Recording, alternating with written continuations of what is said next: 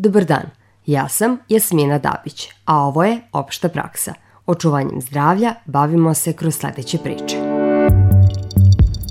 Kako da izvučemo najbolje od sunca, smanjimo rizik od raka kože, a savdemo se vitaminom D. A kako smo stariji, tako nešto što liči na mladež i menja se, treba da bude razlog da neko to pogleda. Kafa na prazan stomak nije nimalo dobra ideja. Tako sigurno trasiramo put budućem gastritisu, čiru, a vrlo često i nečem još mnogo gore gde greše žene u teretani. Žene vole da rade na oblinama donjih ekstremiteta, mislim greška, zato što ako želimo da budemo lepe dole, znači moramo da budemo lepe gore. Mladeži su promene na koži. Ima ih više vrsta. Najčešće su više ili manje isvupčeni i tamnije obojeni. Veličina mladeža varira od jedva vidljivih do onih koji prikrivaju veće delove kože, navodi doktorka Tatjana Roš sa Klinike za kožne i venerične bolesti Kliničkog centra Vojvodine. Jedan od razloga nastanka mladeža smatra se da je genetika.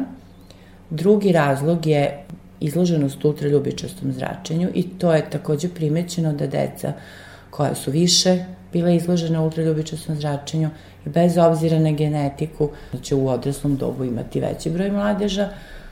I treći razlog je imunologija. Znači, određena imunološka stanja, na primer, primena terapije koja snižava imunitet može da dovede do pojave dodatnih mladeža. Nisu sve promene na koži koje se u narodu smatraju mladežima zaista mladeži.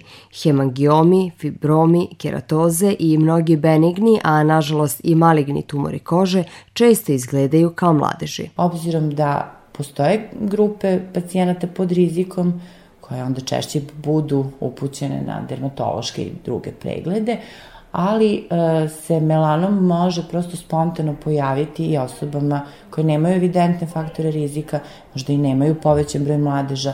Dakle, svako od nas treba da obrati pažnju jeli, na sve delove svoje kože i na vidljive sluznice, da li sam, uz pomoć ogledala, da zamoli neku blisku osobu da mu pomogne u tomu. Ako primetite novu promenu ili da postojeći mladež raste, postaje asimetričan, da menja boju, dobije neravnomerne ivice, treba da se javite dermatologu na dermaskopski pregled, neinvazivan i bezbolan.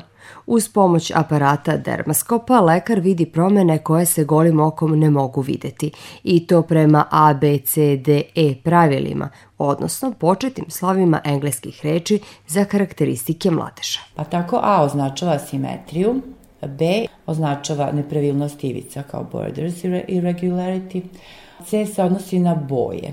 Uglavnom, benigne promene imaju jednu boju, a smatra se da veći broj boja treba da nas navede da pomislimo da nešto nije u redu, međutim, naravno, to nije apsolutno pravilo. D se odnosi na diametar, opet smatrajući da uh, tada je to smišljeno da bude iznad 5 mm, 6 mm, ali naravno da melanom u svojim prvim mesecima bude mali. Tako da je ovo relativno manje značajno, ali svako treba obratiti pažnju na promene koji ima veći diametar. I na kraju evolucija ili izdizanje, to jest elevacija, to je slovo E, i praktično uh, pojava novih promena – U našem narodu postoje zablude u vezi sa uklanjanjem mladeža. Mnogi smatraju da ih ne treba dirati jer onda postanu opasni. Istina je potpuno suprotna od toga. Svaki mladež može da se ukloni pod uslovom da to uradi hirurg ili dermatolog. U vreme kada se taj strah razvijao, naše znanje o raku kože, a posebno tom obliku, je bilo izuzetno nisko. Kao što sam rekla, melanom počinje kao mali, i razvija se. Neki se sporo razvijaju i možda je tu taj razlog da neko nije prepoznao da nešto raste godinama i naravno u nekom trenutku počinje da raste u dubinu. Kada se desi ta invazija, kada on postoje ozbiljniji, on krvari vrlo često i na najmanju traumu, dakle na dodir, na trljanje peškirom i vrlo je moguće da je već taj takav, jeli, da udaljene metastaze. Znači šta se dešava i nakon operacije takvog melanoma ili mladeža, kako narod misli, ovaj, postoje već mesta gde je on zahvatio druge organe, gde je posle terapija mnogo teža, da ne kažem, nekad je bila nemoguća. Raka kože kod nas, nažalost, se najčešće otkrije u poodmakloj fazi kada je lečenje teže, a smrtnost veća. Od melanoma i drugih oblika raka kože godišnje u Srbiji oboli oko 650 a umre oko 150 ljudi. Svetla osobe koje brzo izgore na suncu. Oni kod kojih je neko u porodici imao melanom, oni koji se dosta izlažu suncu i odlaze u solarijum. To su najugroženije kategorije za dobijanje raka kože. Pored melanoma postoji druga dva tipa raka kože koji su češće kod onih e, koji su se postupno izlagali, a duže boravili. Znači, kod onih koji su hronično bili izloženi suncu, bez tih epizoda opekotina, Melano se više povezuje sa opekotinama i naročito u dečijem uzrastu. I druga stvar je pojačano starenje kože. Pa tako da treba da imamo u vidu, ukoliko toliko sada silno želimo da budemo tamni, imaćemo problem mnogo ranije nego oni naši vršnjaci koji možda nemaju toliko silno želju da budu tamni, zbog toga što ćemo ranije početi da dobijemo fleke i duboke bore. Sigurne prevencije nema, ali rizik možete smanjiti tako što ćete izbegavati sunce od 10 do 5 popodne, zaštititi se adekvatnom odećom i nanositi kreme sa zaštitnim faktorom. Poslednjih nekoliko decenija kako se nauka razvila i kada su stigli na naplatu računi iz 50-ih, 60-ih, 70-ih. Znači, kada smo mi promenili svoje navike, počeli uh, intenzivnije da letujemo, da putujemo, da se veći broj ljudi je mogao sebe da priušti, da odlazi leti na more i da se onda ta priča o tom uh, preplanulom tenu kao idealu lepote i dobrog zdravlja promovisao. Znači, trebalo je prođe više godina i decenija da se saberu kumulativni efekti. I to je sad već poznato. Australija to najbolje zna, zato što kod njih najmanje ozona ima, pa su hronična dejstva odjednom samo nastupila kao epidemiološka pošast. Ako je kod nas incidenca 5 do 7 na 100 hiljada, kod njih je 50 i nešto. Mislim, to, to je stvarno puno.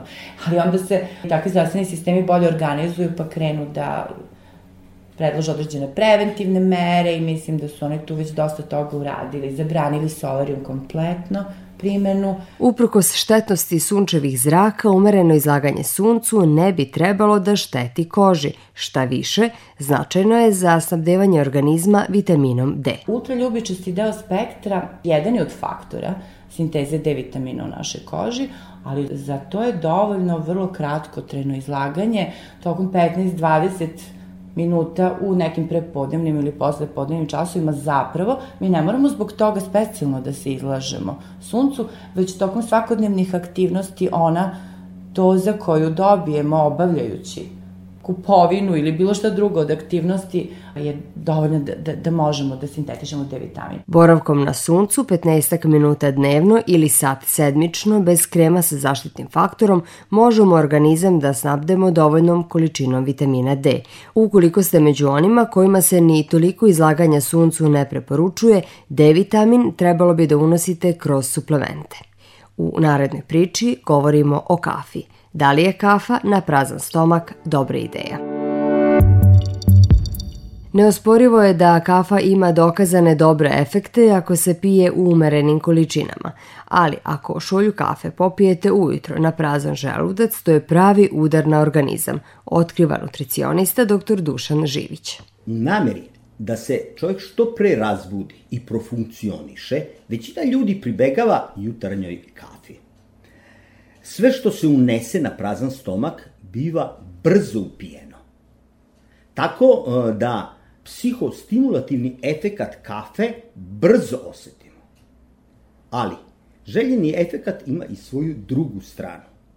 Organizam umesto potrebne tečnosti i energije dobija kiselu agresivnu materiju koja a, nikako ne prija suzokoži želuca i creva.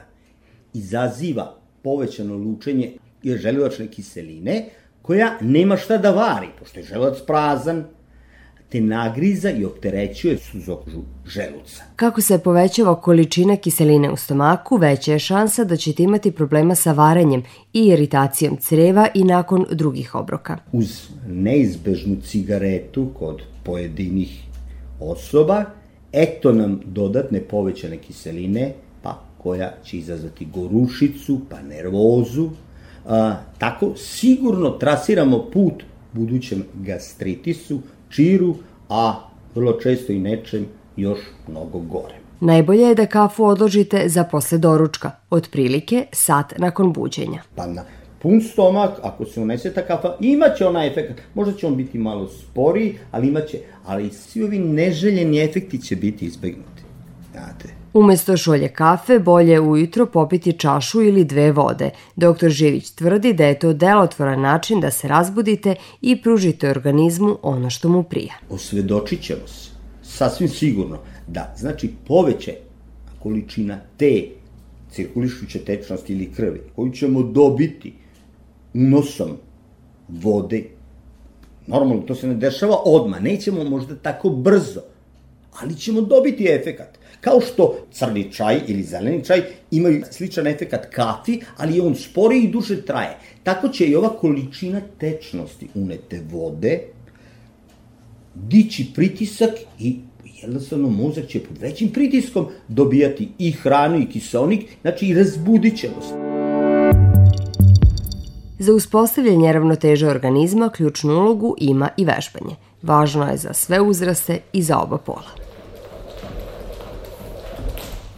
Zanimalo nas je da li ima razlike u vežbanju muškaraca i žena približnih godina. Odgovor smo potražili od personalnog trenera Milijane Delibašić. Žene vole da rade na oblinama donjih ekstremiteta, mislim greška po meni, zato što ako želimo da budemo lepe dole, znači moramo da budemo lepe gore, muškarci su obrnuta situacija, znači njima je sve u gornjem delu tela, to nam je prosto priroda tako nametnula i to tako zaista treba da bude. Ipak, muškarac i žena mogu da rade iste vežbe. ali muškarac kao muškarac mora da oseti opterećenje, a žena kao žena prosto mora da oseti to zadovoljstvo oblina u donjem delu ekstremiteta, je li tako, što se tiče zadnjice i nogu. I intenzitet je svakako i tu drugačiji. Muškarci mogu više, mogu jače, mogu snažniji su, jel tako, mogu da povuku, mogu da bace i oni će tražiti brzinu. Kod žena je to, da kažem, za nijansu slabije. Svoje tvrdnje Milijana potkrepljuje činjenicom da se oba pola bave istim sportom. Mi sportove imamo i za muškarce i za žene, e, gde uočavamo da muškarac i žena rade iste stvari, samo što su opterećenje kod mrtvog dizanja. Eto, čist primer, kod muškarca idu preko 120, a kod žena do 100, jel tako, e, kilograma na onoj žipki koju vidite. Od zajedničkog treninga sa muškarcima zaziru žene. Većina ne želi da trenira sa tegovima jer misli da će se nabildovati, ali to je najveća zabluda koja žene imaju u vezi sa tegovima. Mast moramo da trošimo tako što ćemo mu zadati ili dati malo jedno opterećenje gde ćemo više puta da ponovimo jednu vežbu i na taj način ćemo trošiti masti sa ruku, to jest ispod pazuha najčešće gde kod žena postaje onako posle 40. godine onako mlitavo što mi zovemo zastavice neke, da se to znači ne bi desilo, moramo da imamo malo i opterećenja u rukama. Kombinacija različitih oblika treninga najbolji je izbor za poboljšanje izgleda. Kada počnemo da treniramo, prve dve sedmice su najteže jer toliko traje adaptacija. Prvi rezultati treniranja vide se nakon dva meseca. Nadam se da su vam ova saznanja koristila i da će vam doneti boljitak. Dođite u opštu praksu i narednog četvrtka u 12.15 na Radio Novom Sadu i odloženo na sajtu rtv.rs. Do novih zdravih priča, pozdravlja vas Jasmina Dabić.